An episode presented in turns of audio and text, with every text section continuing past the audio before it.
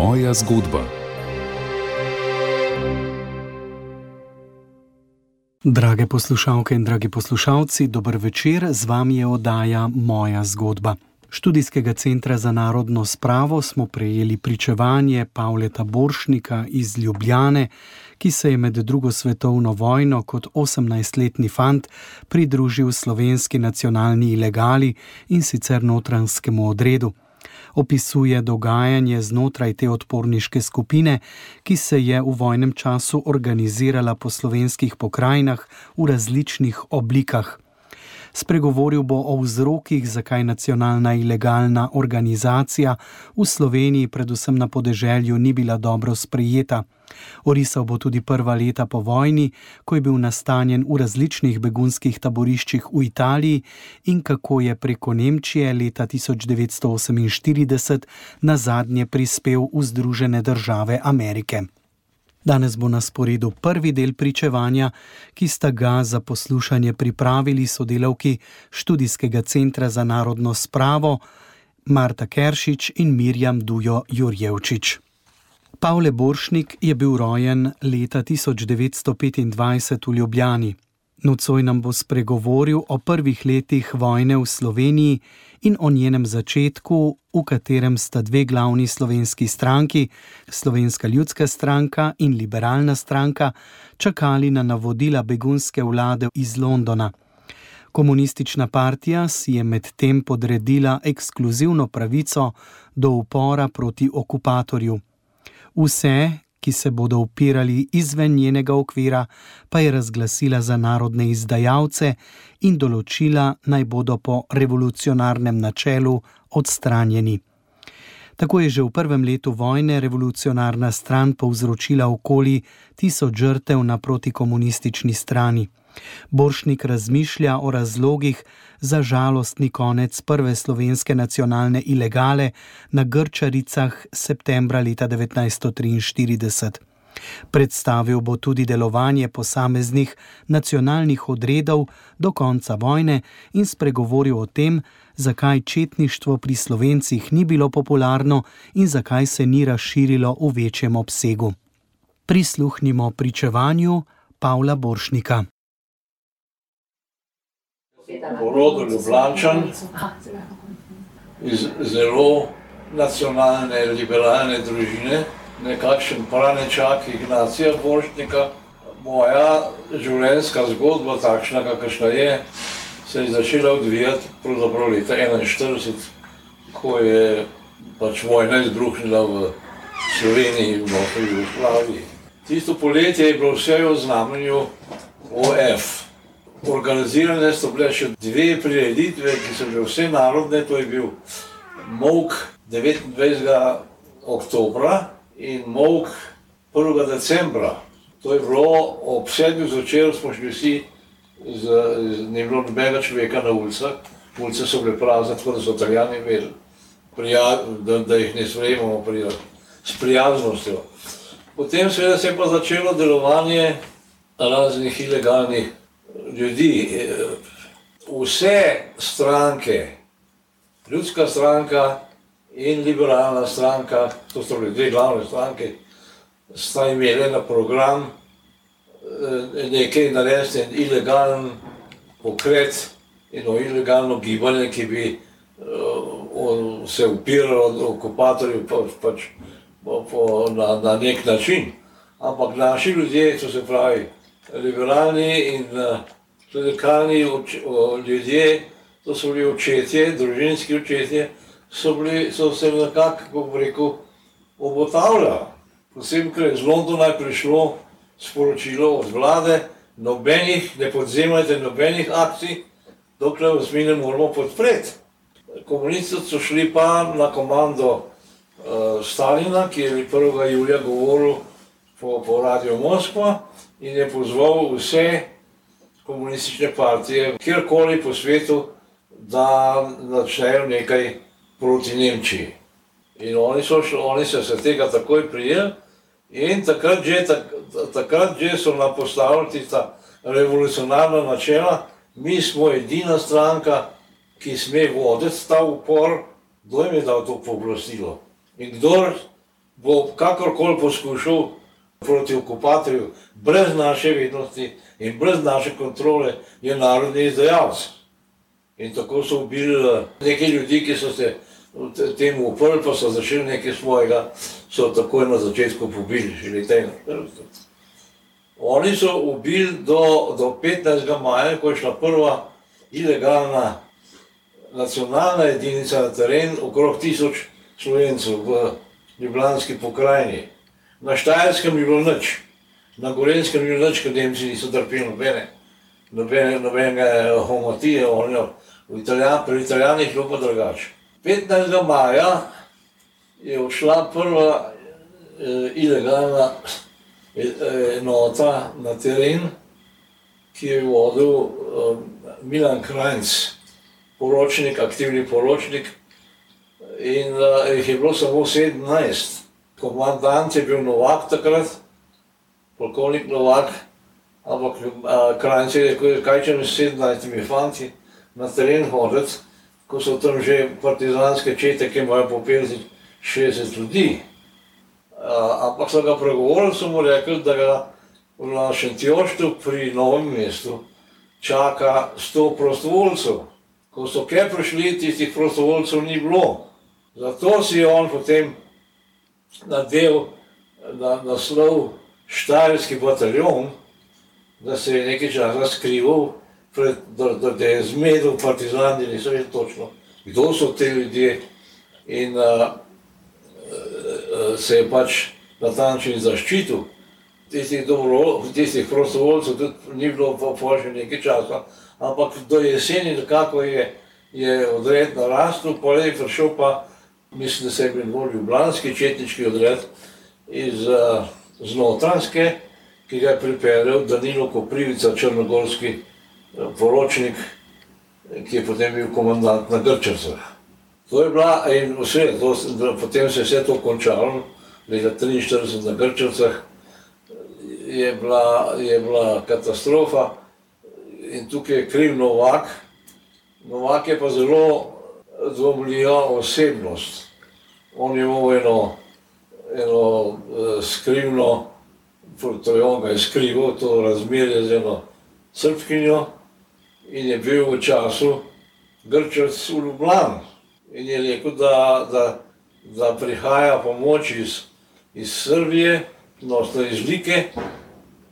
Tisti fanti so res prišli, so pristopili kolpo 8. septembra 43, pol pa niso najdli, oni, oni pravijo, da niso najdli eh, Grčevc, odnosno tega četniškega odreda, ampak se mi zdi, da je meni osebno se zdi iz raznih virov, ki jih imam, da, oni, da je komandant izga eh, odreda neki kapetanovič, enostavno prišel do zaključka, zdaj bo ponovno nova situacija z Italijo, torej z izločitvijo Italije, je popolnoma nova situacija, je bolj, da sem pri glavnem odredu, del, to je blizu delnic, v veliki, kot pa da grem tle v Slovenijo noter. Je, takrat se je to končalo in to je bila se je bila končana prva ilegala slovenska, nacionalna. Vi ste bili v Grčaricah? Kako je pa to bilo? Meni je, jaz sem bil takrat delavc, takrat je bila moda, da smo študenti delali v počitnicah. In uh, se je tako zgodilo, da je na stadionu veter streho odnesel, na, na plečnikovem stadionu. In tam pri tistem kleparju sem jaz delal, pa zaslišim en dan, to je moglo biti 7. ali pa 8. septembra, zaslišim, da, oče, da moj oče žvižga, tako kot me je klical, da, sem, da sem domov prišel. In pogledam, če strega je bil res tam dol, pravi dol, zdaj greš pa na Grčevce. To je dobra slika, kako je bilo to vse, to je bilo vse preveč improvizirano, nobene resne organizacije ni bilo. No, in sem šel domov, je povedal Ivanu Marinčiču, boš dobil opremo in tam sem dobil ruzak, pa čevlje, pa vinkijakno. Kaj pa zdaj? Jaz bi pa takrat že vključen v ilegalno obveščevalno službo eh, za, za Mihajloviča. In se rekel, kašne pa je, in rekel Ivan Marinčič, jutro v petih gre vlako kočevje vodi na tistem vlaku, kočil je pa vse naše. Jaz se rekel, kako je vse naše. Na ramlu je enega gesla, kaj takega. No, prav, boš videl, tam je vse naše. Mama je nič rekla, je ujela enega tistega našega nesrečnega petelina, smo ga imeli, nekem, ne vem, tako se je prišel, ga je zaklala in ga je odsvrla. Če še danes vidim, je bil na mizi, pogrnen z belo, z belo uh, srveto. In potem smo šli spat. In je rekla, da me bo zbudila. Ko se jaz zjutraj zbudil, sem videl, da je že 8-9 ura tisti vlak, na katerem druga nosila mama me enostavno ni zbudila. In tako, tako me je obdržala doma. En moj prijatelj, torej od Ivana Maliča sin, je pa šel na tisti vlak in so prišli samo do Grosupla, so bili že partizani, tam je prebežal nazaj, pa še ruzak je zgubil. To, da ni, da to je bilo konc, ni bilo, ni bilo nobene prave organizacije. Po Grčacah spomladi 44 so se začeli pa pojavljati novi četniški odredi, to je bil uh, Gorenski, Notranski, Primorski in Dolenski. Kasneje, proti, proti sredi, sredi poletja se je pojavil Melaherjev Štajerski uh, odred, ki je bil pravzaprav najmočnejši. Ampak mi z Melaherjem nismo imeli nobene direktne zveze, ker je bila razdalja prevelika in so bili vmes Nemci in partizani, tako da je bilo nemogoče. Pač pa je poslal dva fanta, tri fante k nam v notranjski odred, da bi se usposobili za vodstvo pri njem. Ker on je imel, on je imel glavni material, njegov je bil, so bili fantje, so bili nemški vojaki, ki so bili mobilizirani v nemško vojsko, pa niso hoteli nazaj. Partizanom pa tudi ne. In so šli potem v, v, v, v Meleherjev odred. Ti odredi so bili, Gorenski je bil najmanjši. In Gorenski se je po, po tistem znanem incidentu, eh, anyway, Gorenski se je razšel, tako da ga na zadnje v, v času leta 45, ko je bilo, ko je bilo vsega konc Gorenskega odreda, praktično ni bilo več. Notranski in primorski sta, sta, sta bila nastanjena drug zraven drugega in sta v glavnem vse akcije vršila skupno, kamor smo pač šli. Dolenski odred je bil pa Janez Marn. On je bil pa prvotno partizanski komandant, potem je videl, kaj se dela, je to je spremenil in je, in je pre, prešel na, na nacionalno stran, ampak on je bil zmeraj nekaj ekstra. In to ga je koštalo njega življenje in cel, cel odred. Ko smo se mi, dotranski odred je bil najmočnejši in je imel največje število ljubljanskih študentov, mogoče tudi intelektualcev. Takrat je, ta, je bil ta boj že tako zaostren, da ni bilo govora. Mi smo bili, naša ideja, odnosno naš namen je bila osvoboditev Jugoslavije. Ampak, ker smo bili tako malo številčni, nismo mogli absolutno nič prispevati v tem smislu in smo bili samo prisiljeni, da se branimo, ker pritisk je bil strahoten v, v, v, v zunaj, na dolenskem, notranskem, to je bilo, to, to, to, oni so bili vse povsod in so imeli uh, dobro organizirano obveščevalno službo in se spol naprej. Tako da ta aspekt, osvobodilni aspekt je izginil. Poleg tega nismo imeli nobene zveze s srpskimi četniki, ker so bili Hrvati vmes, tako da ni bilo nobene možnosti, da bi se kaj, da bi se kaj povečali. Zakaj ni bila popularna ta ideja, je pa, sta pa dva razloga. En je bil tem, da je klerikalna stran, slovenska, nihala med Jugoslavijo, odnosno za Jugoslavijo, pa za, mostoj, za samostojnost od prvega dne. Oni so bili do, do, do, do leta 14, je bila klerikalna stran slovenska, absolutno vdana vse za, vse za vero dom cesarja. Potem je Korošice z Majsko de, de, deklaracijo pregovoril, da so sprejeli jugoslovanski koncept, ampak ga niso, dokončno ga niso sprejeli, dokler ni Jeglič podpisal septembrske deklaracije, tako je Jeglič podporil majsko deklaracijo, potem se je šele začelo to gibanje. Bili so pa zmeram, cinca so pa zmeram. Ko je Jugoslavija propadla, je, je, je bil seveda strahotni učinek v tem, da je bilo vse v petih dneh in vsega konc. Jugoslavijska vojska iz, iz Slovenije zginila čez noč. Ampak to je bil strateški načrt.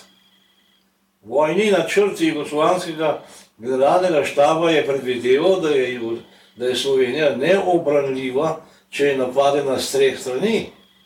In ta načrt je tudi Tito prevzel. Potem, to, to, to je generalni, generalni strateški načrt za, za slučaj vojne. Ne? Jugoslovanska ideja med Slovenci, med vojno, ni bila obrajtana, je bilo več, ali si bil za komuniste. In tudi oni niso na kamer prišli, oni so najprej govorili, da imajo vse republike pravico do odcepitve. Tudi komunisti sami niso, niso, niso bili, ne vem kako. Polk je, ko so dobili Tita za komandanta, so prevzeli jugoslovanski koncept. No in tako je šlo zdaj poletje 44, na pomlad 45, na, na pomlad 45, right, se je komanda, komanda uh, teh četniških odredov, to je bil general Prezl, Andrej, odločila, da se vsi odredi premaknejo na Primorsko, ker smo pričakovali, da bo Primorska prva, prva država, ki jo bojo dosegle zavezniške čete iz, iz eh, Italije gor. In takrat je Marn naredil tisto usodno napako, mi smo vsi šli, torej Gorenski odred, eh, Notranski odred, Dolenski, eh, Primorski odred, to je bilo vsega skupaj okrog 250 fantov, to niso bili, to niso bili nekakšne jedince smo šli na, na Primorsko. Marlin je poslal pa samo eno patrolo, 14 ljudi. In prvo noč, ko smo bili v razdrtem, smo, smo prvo noč na Primorskem smo prespali v razdrtem, zjutraj Marlinovih fantov ni bilo več. To je bilo zdaj aprila 45 in so šli nazaj na Dolensko k Marlinu, potem pa na Koroško, pa dol, pa pred strojnice. Če bi šel z nami, bi On imel zelo močen odred, in, uh, ampak je bil, je bil svoje vrste človek. Menaher je prišel pa osebno do Ljubljane iz Štajerske, po navodila, mi smo bili takrat okrog Šentjošta, pa tam, tam okrog, smo že odšli na, na, na, na Primorsko, se je vrnil, general Andrej mu je pa sporočil, pravi, pridi preko Koroške nekako dol, mi bomo nekje v Italiji. Ne. In tako je on eh, je šel zelo nenavadno pot proti severu, potem je zavil na levo in je obšel, vso, on je bil na Svinski planini, Melaher, in je potem obšel dol, da bi prišel v, v Italijo. To je bilo okrog, je moglo biti okrog 20, korboj, okrog 20 avtomobilov, Je pa govoril angliško in to ga je, to ga je reševalo. Pokazal je pismeni nalog generala Andreja, da se mora pridružiti komandi jugoslovanskih čet v, v domovini in tako naprej.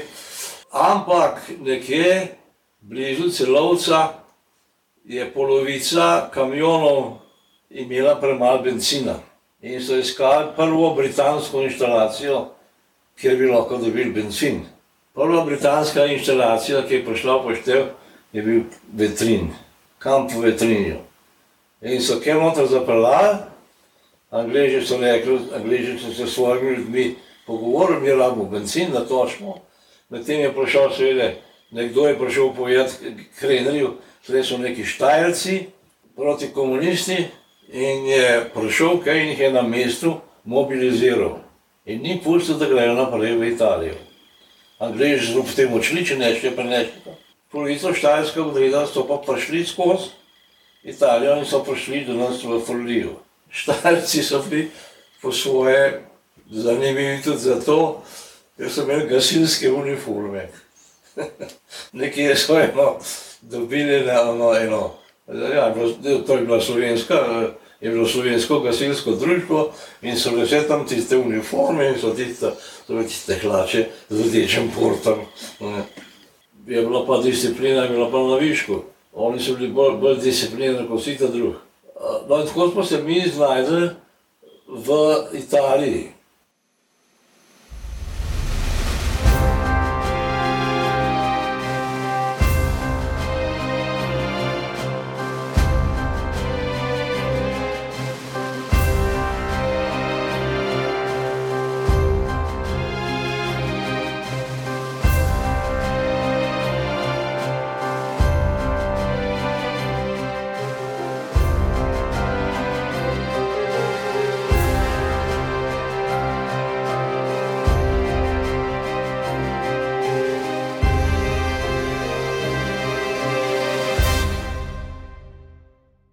Drugem delu današnje oddaje Moja zgodba nam bo Pavle Boršnik predstavil dogajanje tik ob koncu vojne z vso tragiko tistega zgodovinskega trenutka.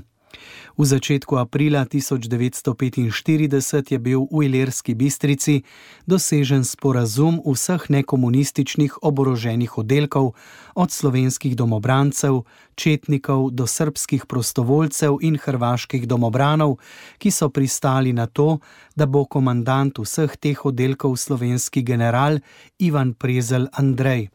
Po Boršnikovih besedah pa je na pobudo domobranskega poveljnika Krenerja padla odločitev, da se domobranci ne bodo umaknili v Italijo, ampak v Avstrijo. In od tam so bili domobranci ob koncu maja 1945 vrnjeni nazaj v Slovenijo in na to kruto umorjeni ter zmetani v različna brezna, rudniške rove in kraške jame. Četniki so šli po Vipavski dolini do Gorice in prekoračili Sočo. Kmalo jim je bilo rečeno, da so sprejeti v osmo britansko armado, dejansko pa so jih Angleži nastanili v nekdanjem koncentracijskem taborišču v Visku. Tam so jih pod pretvezo, da bodo dobili novo in boljše orožje, razorožili. Njihova nadaljna pot pa je šla skozi taborišča Kasena, Furlijo in Ebolo, na zadnje so jih nastanili v Neaplju. Od tam pa so bili aprila 1947 premeščeni v zahodno Nemčijo. Prisluhnimo besedam Pavleta Boršnika. Konec marca, pa v začetku aprila, je bil v Ilirski bistrici dosežen sporazum vseh nekomunističnih oboroženih oddelkov.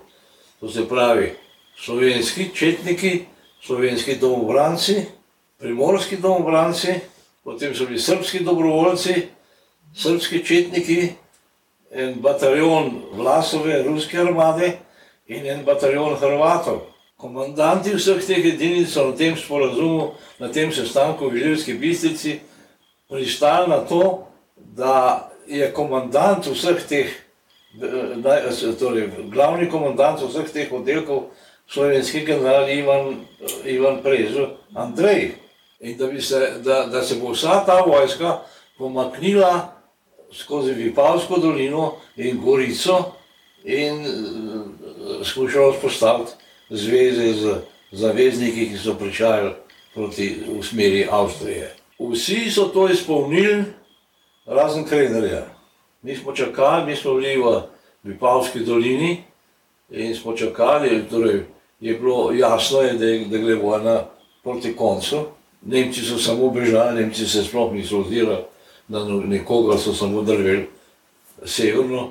In potem je prišlo sporočilo iz Dublane, da se do obranstva ne bo umikalo v Italijo, ampak v Avstrijo. To je težko dokazati, ampak zgleda, da je, da je Krener na ta način hotel. Eh, Krener je zelo, zelo problematična osebnost. Eh, ko, prišli, ko je prišel dr. Janeš nazaj, da je potrdil, da, da, da, da, da res vračajo do obrance, je oblekel civilno obleko in je zginil.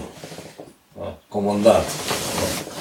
1. maja smo se, je bila sprema, odnosno pokret, te, te izrazi so bili srpski pokret in smo šli po Vipavski dolini gor do Gorice In pri Gorici smo prekoračili Sočo po železniškem mostu, ne po cestni. Cestni je bil že, cestni je bil že porušen. Smo šli po železniškem mostu, uh, v, v mestu samem smo imeli spopade, ne, partizani, ne toliko s partizani, čeprav so bili terenci, kar naenkrat se je odprlo okno, pa nas je nekdo pošprical z, z mitraljezom.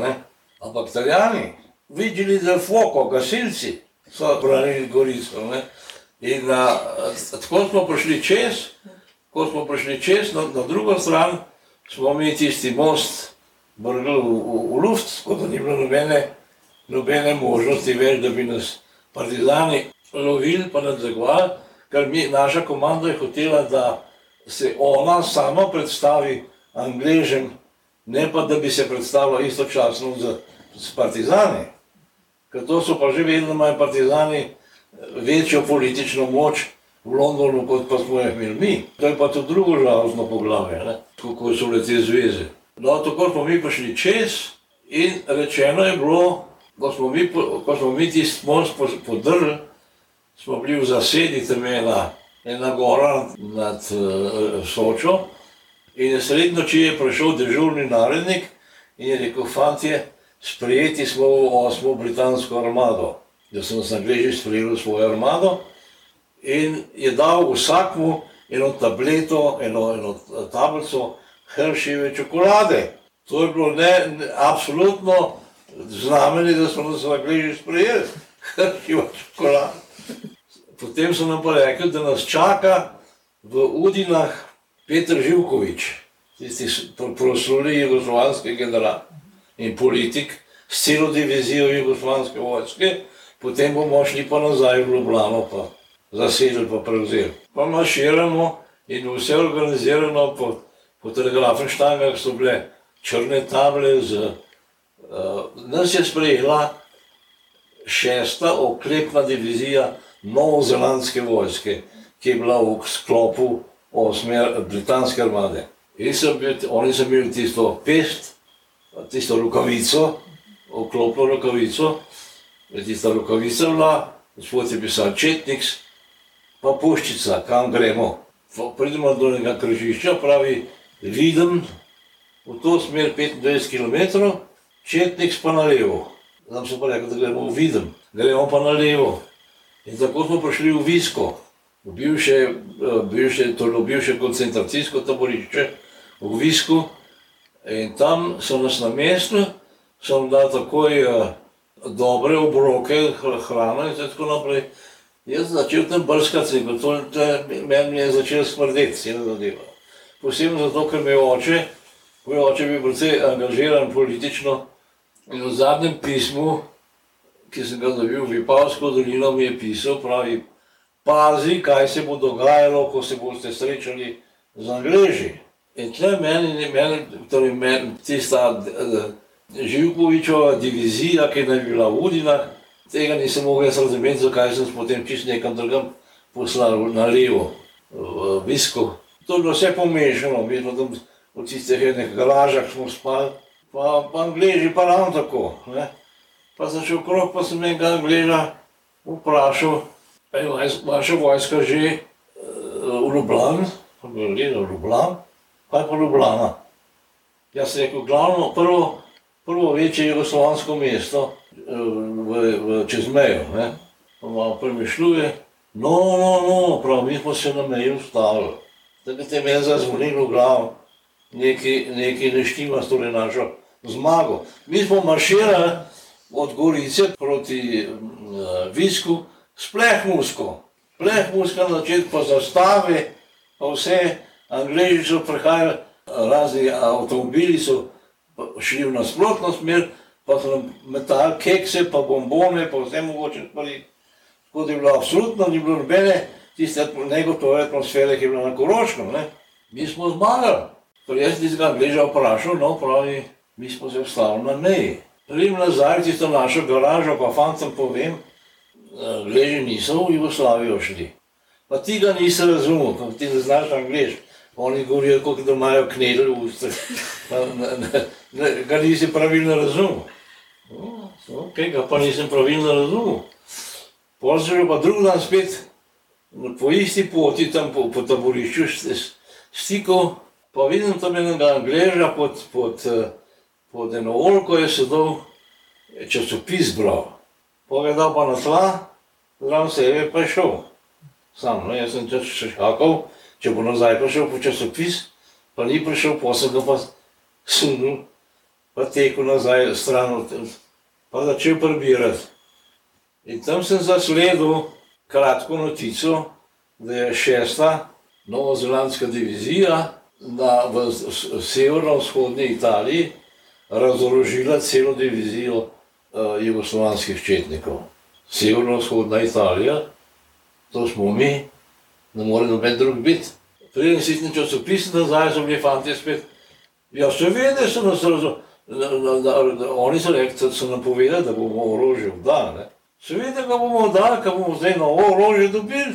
Ker zdaj, do, do zdaj, jaz smo grško, eh, jugoslovansko mazurco, tam imamo nemško mazurco, oni imamo angliško puško, eni imamo italijansko puško, eni so imeli še tiste francoske fražoloke, to so bile take visoke puške predpotopne. Zdaj bomo pa vse dobili nove uniforme, pa novo orožje da ta orožje bomo dali. To, to, to da, so, da so nas razorožili, no ja, mi smo dali orožje. To je tudi bilo. Eno jutro sem se jaz zbudil, pa je komandant čete, komandir čete, svoje šnelfajlso brisal, pa, pa čistil, tako naprej. E, neko dobro me je služila, zdaj bom pa vdal. Angliži bi bilo vseglih. Angliži niso brigali za nič, vidite, kar hočete, ampak orožje morate odložiti. In mi smo naredili tam, so postavljene dolge mize, so bili vsi generali tam, se zdelo, to takrat je bilo generalov, koliko smeti, srpski generali, v glavnem, ne.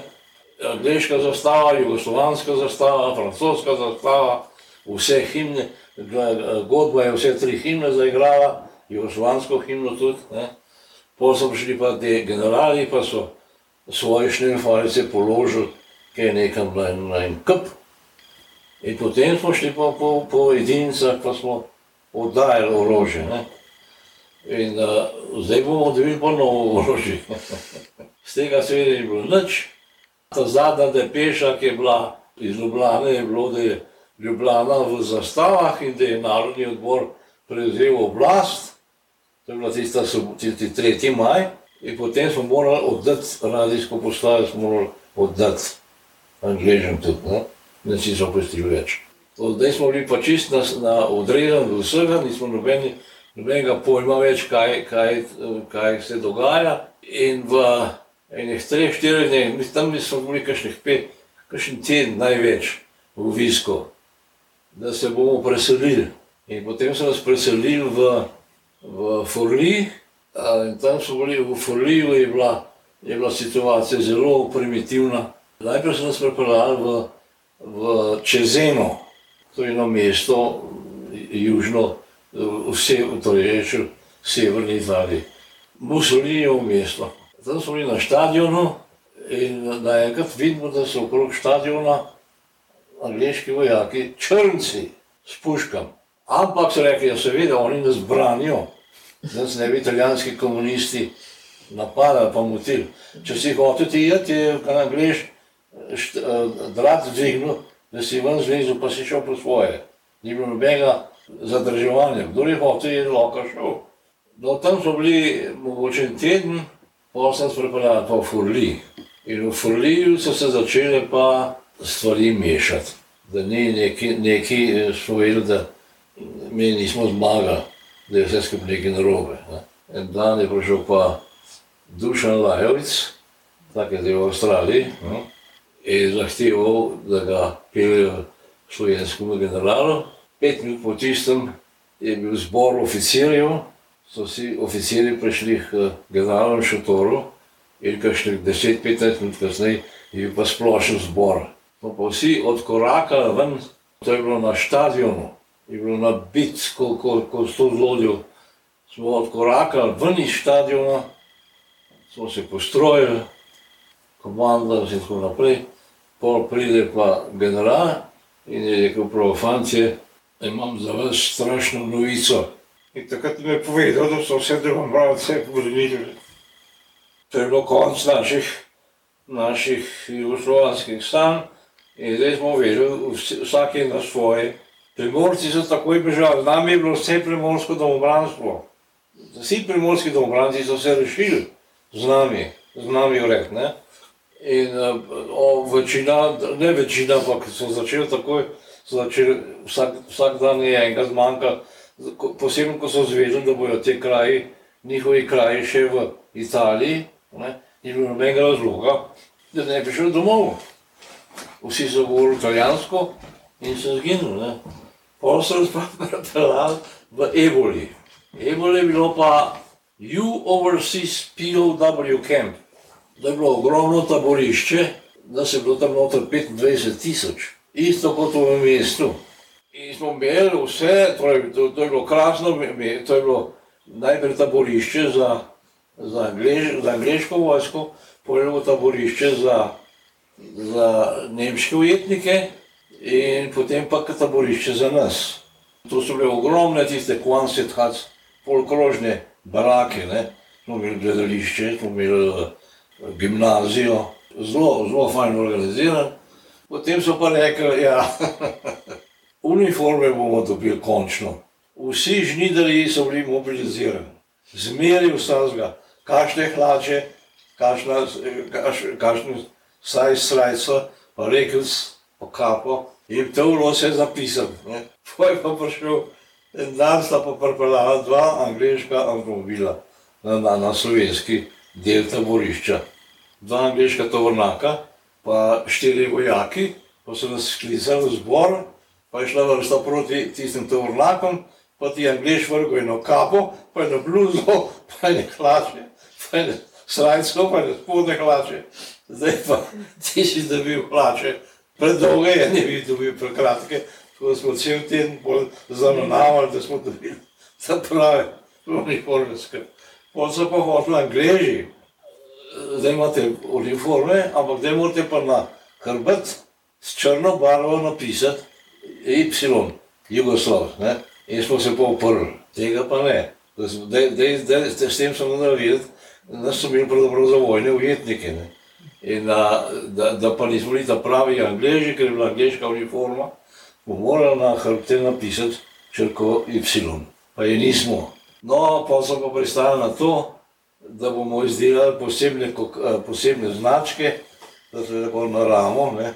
in je bilo R, Y, A, Royal Yugoslav Army, pa ali slovenska, ali hrvaška, ali pa srpska zastava. Da si bil srb, hrvat ali pa slovenc. Na to so pristali. Od tam so nas pa začeli pošiljati na področje Napolija, ker angliška vojska je odhajala ko se je demobilizirala, vsak dan je šlo mogoče 200 pa 300 angliških vojakov nazaj v Anglijo, domov. Ostala so pa skladišča, ker je bil še material. In ti so se hoteli zaščititi in to smo mi prevzeli. Mi, mi smo potem stražili, ker italijani so kupili ali pa ukradili vse, kar, kar se je da. Ne? Tako smo mi tiste, tiste taborišča stražili do spomladi leta 1947, ko je bila pa mirovna pogodba podpisana z, z Italijo, so morali pa vse zavezniške čete Italijo zapustiti. In takrat sem se preselil potem v Nemčijo. V Italiji smo bili mi popolnoma enakopravni z Angleži. Jaz sem bil mulj 20 let star, sem imel svoj džip, pa svojega šoferja Nemca. In sem se s tistem vozil, ko so šli Angleži, mi smo nekaj časa skupaj z Angleži, pa so pa Angleži enega lepa dne zginili. In mi smo pa tam ostali, pa smo tiste prazne barake, pravzaprav niso bile prazne, bilo še zmeraj veliko sladkorja, pa moke noter. Ne? In to so hoteli, seveda Angleži, izročiti Italijanom, ne pa Črnoborzijancem. Tam smo bili do, do aprila 47.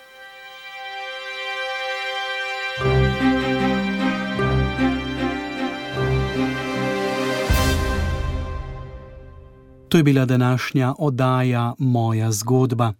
Slišali smo prvi del pričevanja Pavla Boršnika iz Clevelanda. Boršnik je umrl septembra leta 2020 v starosti 95 let na svojem domu v Clevelandu. Pogovor z njim so sodelavci študijskega centra za narodno spravo posneli leta 2011 v času, ko so bili na obisku pri rojakih v Združenih državah Amerike. Posnetek sta za oddajo pripravili Marta Keršič in Mirjam Dujo Jurjevčič.